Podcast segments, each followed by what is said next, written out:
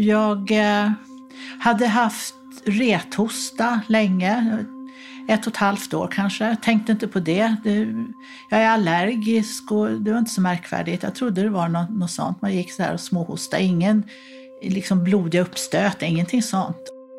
Min man sa att det var tics. Men sen så var det någon av mina barn som till slut sa att du får gå och kolla det där. Men det, någonstans är det liksom gå till vårdcentralen för man har lite rethosta. En friluftsmänniska som älskade resor och långa fotvandringar och som alltid planerade inför nästa reseäventyr. Sån var Karin. När hon gick i pension från sitt jobb som konsult i miljö och hållbarhetsfrågor såg hon fram emot att ägna mer tid åt att besöka nya spännande platser. Men det var det där med den envisa rethostan. Du lyssnar på berättelsen om Karin och om hur precisionsmedicin hjälper henne i kampen mot lungcancer. En dokumentär från Karolinska Universitetssjukhuset.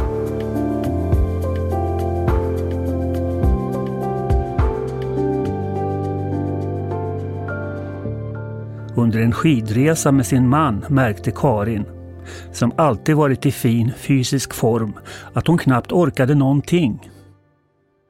Då gnällde jag lite grann över att, var, att jag hade så dåligt flås. Annars så har jag liksom, vi har rört oss jättemycket, jag har gått på gympa, vi har åkt skidor och vandrat. Jag var i väldigt god kondition. Så till slut gav Karin med sig och bokade en tid på sin vårdcentral. Det var en, en stafettläkare, men han direkt sa, nej men nu går vi till grunden med det här. Jag skickar dig på en lungröntgen. Så det gjorde han och då såg han väl någonting, så då fick jag vidare remiss till en datortomografi. Och där såg man väl att det här såg inte bra ut. Röntgenbilder och datortomografi visar att någonting växte i Karins kropp. Något som inte hörde hemma där. Och då fick jag en remiss till eh, lungonkologen på Karolinska och eh, där kollade de då och såg att det var en 8 cm stor tumör i lungan. Metastas i lårbenet och i ryggen. Och, eh, och de sa ju då att det här är eh, medellivslängden för så långt gången lungcancer, det är ungefär två år. Så att det var ju döden, döden direkt, var det enda jag kunde tänka på. Lungcancer i fjärde stadiet. Ett dråpslag för en hälsomedveten icke-rökare som Karin. Det här var 2014, då prognosen för lungcancer som spritt sig i kroppen såg minst sagt dyster ut. Cytostatika, det vill säga cellgifter, var i stort sett den enda behandling som stod till buds och chansen att överleva på längre sikt var små. Det säger Simon Ekman, överläkare på onkologiska avdelningen vid Karolinska Universitetssjukhuset i Solna.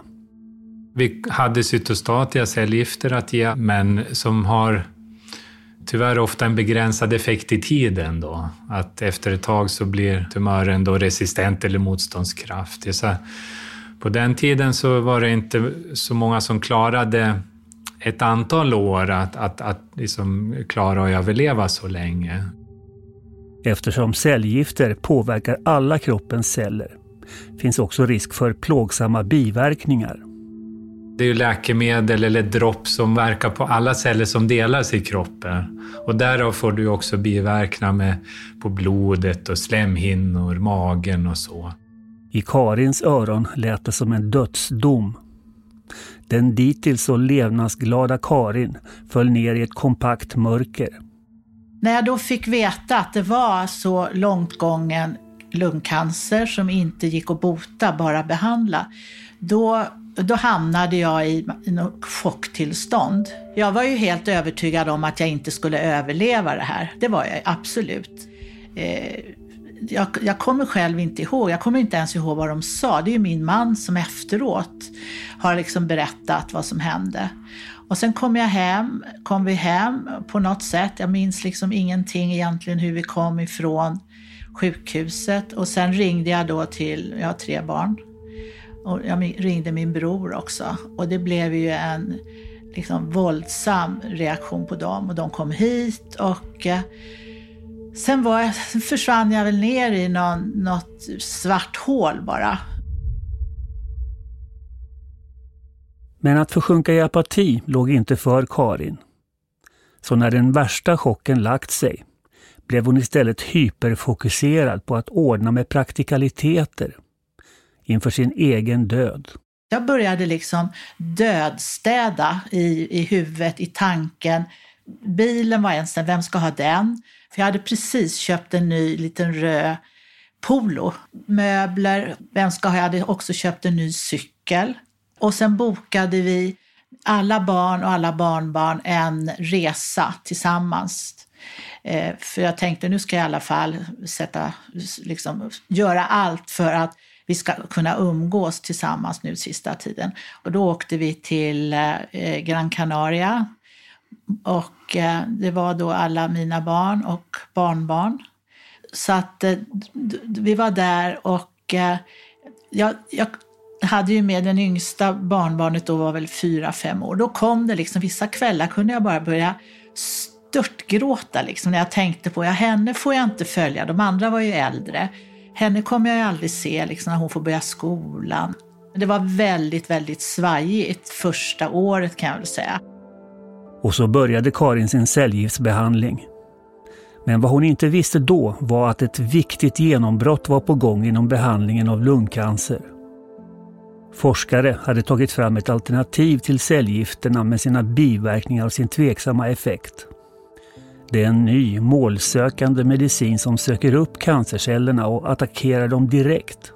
Men är skonsam för kroppens övriga organ. Själva proceduren kunde inte vara enklare. Det handlar om att svälja ett eller två piller om dagen. Men det finns ett aber. Det finns olika typer av lungcancertumörer. Och den nya medicinen fungerar bara på vissa tumörer med en särskild sorts mutation. Det är en tablett då som du tar en, eh, som en daglig dos, eller i vissa fall tar man två doser per dag. Och den, den tas ju upp i kroppen då och eh, på grund av den här egenskapen i tumören, den här genetiska förändringen, så, som är unik då för tumören, så har det här läkemedlet anpassat sig för att man har skräddarsytt den så att den binder in just den, i den här genetiska förändringen. Så det, det, man kan tänka sig som ett nyckelhål och en nyckel. Då. Det är ett protein, så där är en signalämne i tumören, som är nyckelhålet. Och så kommer den här läkemedel som är en liten molekyl som tar sig runt över hela kroppen. Som söker sig som till den här... söker sig. Så det är målsökande och eh, det, det är det som är nyckeln. Och så fastnar nyckeln i nyckelhålet och, och blockerar då aktiviteten i det här överaktiva ämnet eller signalproteinet. Då. Ett hopp väcks inom Karin. Har hon den rätta sortens cancer? När jag var på det första läkarbesöket, då informerade läkaren om att de skulle ta de här proverna ifrån man gör liksom en biopsi, man tar lite grann av själva lungvävnaden och så skickar man på analys. Och då går man igenom och då ser man ju om man har en sån här mutation. Och hade man en sån så kunde man behandlas med målstyrande medicin, tabletter och slippa då eh, cytostatikabehandling. En nervös väntan på provresultatet tar vid. När jag fick beskedet att jag hade den här ALK-translokationen, jag är så kallad ALK plus och får behandling efter det, det var som att få högsta vinsten. Vilket är lite konstigt när man har liksom en, en dödlig sjukdom och så får man veta att man kan liksom behandlas lite annorlunda än bara med ren cytostatika. Så upplever man det så otroligt fantastiskt. Vi, vi öppnar champagneflaskor och, och, och firade. För att ha lungcancer så har jag den bästa mutationen där vi idag också har flest olika mediciner att ta till och skräddarsydda cancermediciner tas nu fram i snabb takt och innebär ett nytt hopp om livet för allt fler mer eller mindre dödsdömda lungcancerpatienter. Det säger onkologen Simon Ekman. Vi har ju upptäckt fler och fler sådana här mutationer så att nu brukar man räkna med att upp till en 30-40 procent av alla lungcancrar då, som vi pratar om framförallt här, eh, där finns det förutsättningar att ge en målriktad behandling. Okay. Så det är ganska en stor andel mot för tio år sedan då vi knappt hade någon sån här målriktad. Åtta år har nu gått sedan Karin fick sin cancerdiagnos. Prognosen som på sin höjd gav henne ett par år kvar att leva. Idag mår Karin för det mesta bra. Men helt botad från cancern är hon inte. Var tredje månad måste hon genomgå en grundlig undersökning på Karolinska för att kolla upp att den inte kommer tillbaka. Så röntgar de, magnetröntgar huvudet, röntgar lungan och sen så ska man då vänta, vänta, vänta, vänta på besked och så träffar man läkaren och så är man dönervös. Har det börjat växa? Måste jag byta medicin? Och det här lever man ju med, den här tre månaders cykeln. Och behandlingen fungerar för Karin. Efter bara några månader har tumörerna minskat och försvann så småningom helt, säger läkaren Simon Ekman.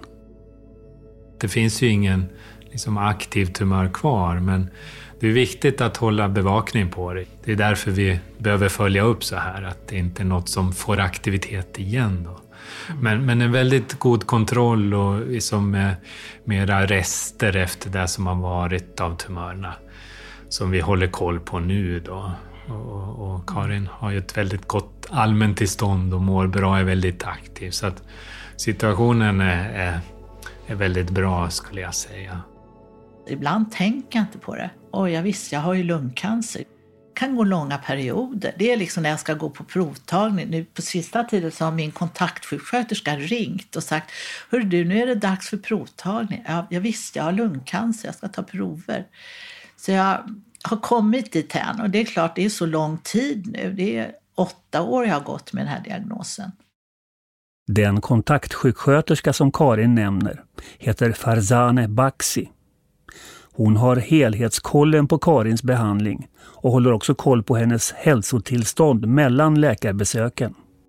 En kontaktsjuksköterska är som en spindel i nätet och har kontakt med alla andra vårdgivare nästan. Vi planerar, vi följer upp patienternas behandling, vi eh, symptomkontrollerar, planerar prover, bokar, kallar på återbesök.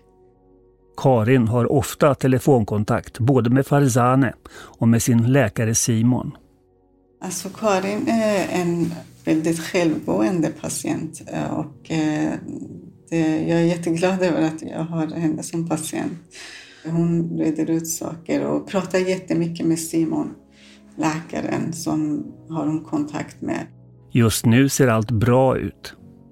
Men Karin har också fått känna på bakslag. Trots att den nya Alzheimerbehandlingen är så effektiv så har den svårt att bita på hennes metastaser i hjärnan. Då har läkarna kompletterat medicineringen med strålbehandling. Vid två tillfällen har jag haft metastaser i huvudet. Jag har tagit bort 15 metastaser i huvudet med en så kallad gammakniv. Det är ingen kniv utan det är oblodig behandling, alltså en kraftiga strålar som man behandlar med. Så har det varit hos Karin att det har dykt upp nya hjärnmetastaser. Då, I vissa lägen har vi kunnat strålbehandla. Det är en annan typ av precisionsbehandling kan man säga. Att man stå kvar på den här Alkema-behandlingen. Men om det kommer en eller ett fåtal metastaser, i det här fallet i hjärnan, så kan man precisionsstråla. Så att man på en väldigt exakt och, och liten punkt ger man en hög dos strålning som slår ut den där tumören. Att aldrig vara säker på vilket besked som väntar vid nästa tre månaders koll är förstås en psykisk påfrestning. Men Karin har en sällsynt förmåga att se saker från den ljusa sidan. Människan är väl också ganska eh, tålig. Alltså vad har man för val? Lite så har jag känt. Plus att jag tror att, att jag har kanske förmånen av att kunna liksom fokusera på, på bra saker. Och det är inte alla som, som kan det. Och jag vet att en av mina barn har sagt flera gånger nu att jag tror inte alls mamma att du mår så bra som du låtsas. Och då försöker jag säga, men det gör jag, jag mår, jag mår så här bra. Men sen har väl jag också haft och har dalar när man plötsligt av olika anledningar, nu var det en jättenära vän till mig som dog i lungcancer och då blir det liksom jättejobbigt. Då har jag en av mina närmsta vänner som jag kan liksom ringa och kräka ur mig, prata av mig. Nära vän eller inte. Sen hon blev sjuk har Karin insett att inte alla vill höra talas om dödliga sjukdomar. Vissa vänskaper har hon fått omvärdera helt.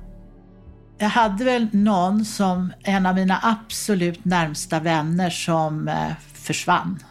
Hon orkade inte med det. Och det tyckte jag var jättejobbigt, jättetråkigt. Efter tre, fyra år så tog jag kontakt och, eh, och då visade det sig, det, var, det är ju rädsla och det där har jag sett det var inte första gången. Så vissa människor klarar ju inte av det här, vilket ju är så sorgligt. För att det är ju just i sådana här situationer, vad är en vän? Vänskap, ja men det är ju istället att vara vän när allt är dans på rosor, det är ju inte svårt. Men att vara vän när det är fruktansvärt jobbigt runt omkring, det är ju då man behöver sina vänner. Däremot har Karin bestämt sig för att dölja sin egen oro inför sin närmsta familj. Hon vill inte spä på den oro som de redan känner. Jag vill inte belasta min man och mina barn med min, den här oron, för då blir de ännu oroligare. Och säger jag till en av mina döttrar att jag har ont i huvudet, då blir hon jättetokig. Ja, nu, och, nu, och är det metastaser nu eller eh, vad då ont i huvudet? Så att jag, låter, jag säger inte det. Vi pratar inte så mycket om sen, vad händer sen? För det vet jag, vet ju inte det. Men kan ju säkert plötsligt så får de här metastaserna spinn och börjar växa och jag har hela huvudet fullt med metastaser. Det har jag ingen aning om. Men det är inget som du går och grubblar Nej. över? Nej, för jag känner en så otroligt hopp i och med att det hela tiden kommer nya behandlingsmetoder. Jag har en hel, när det här inte funkar, om det nu förmodligen kanske någon gång gör, slutar funka, då vet jag att jag kan byta till andra som säkert för, kommer att funka. Och eftersom jag hittills har svarat så bra på behandlingen så tänker jag att det kommer jag nog fortsätta göra även om de byter medicin. Istället för att gräva ner sig har Karin valt att leva livet fullt ut. Och hinna uppleva så mycket som möjligt. Efter sin diagnos har hon redan betat av de flesta av sina drömresmål.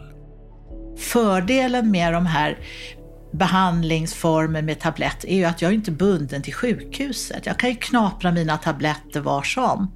Så jag åkte, jag var på Nya Zeeland, jag har varit på Galapagos, min man och jag var i eh, västra USA. Vi planerade en resa till Klippiga bergen i Kanada. Min man och jag har varit och vandrat i Alperna. På lördag åker jag till eh, La Gomera och ska vandra.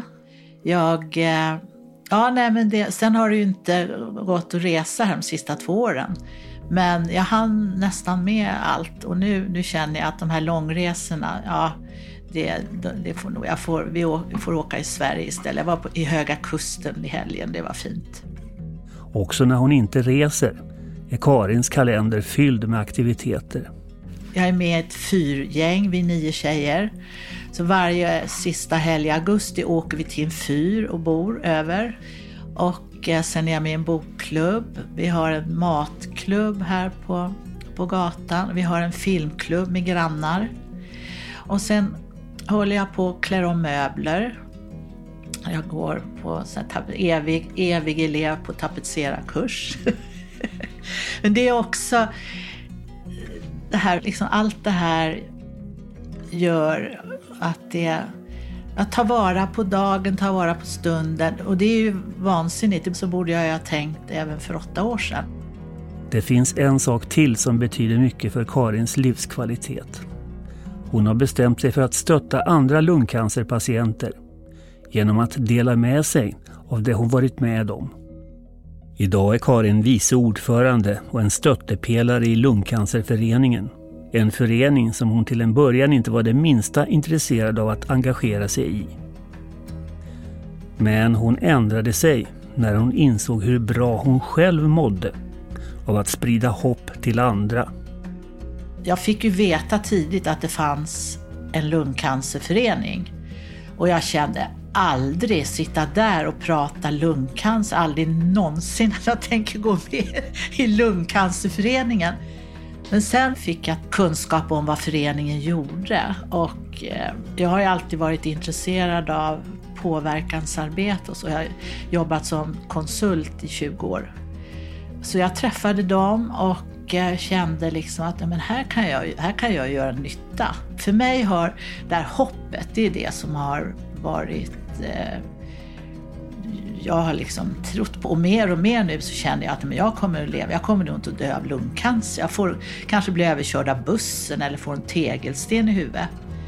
Och det, det här tycker jag är så viktigt att också förmedla till andra av våra medlemmar i, i Lungcancerföreningen. Det finns hopp och det händer hela tiden nya saker. Det kommer nya behandlingar, det utvecklas diagnostiken.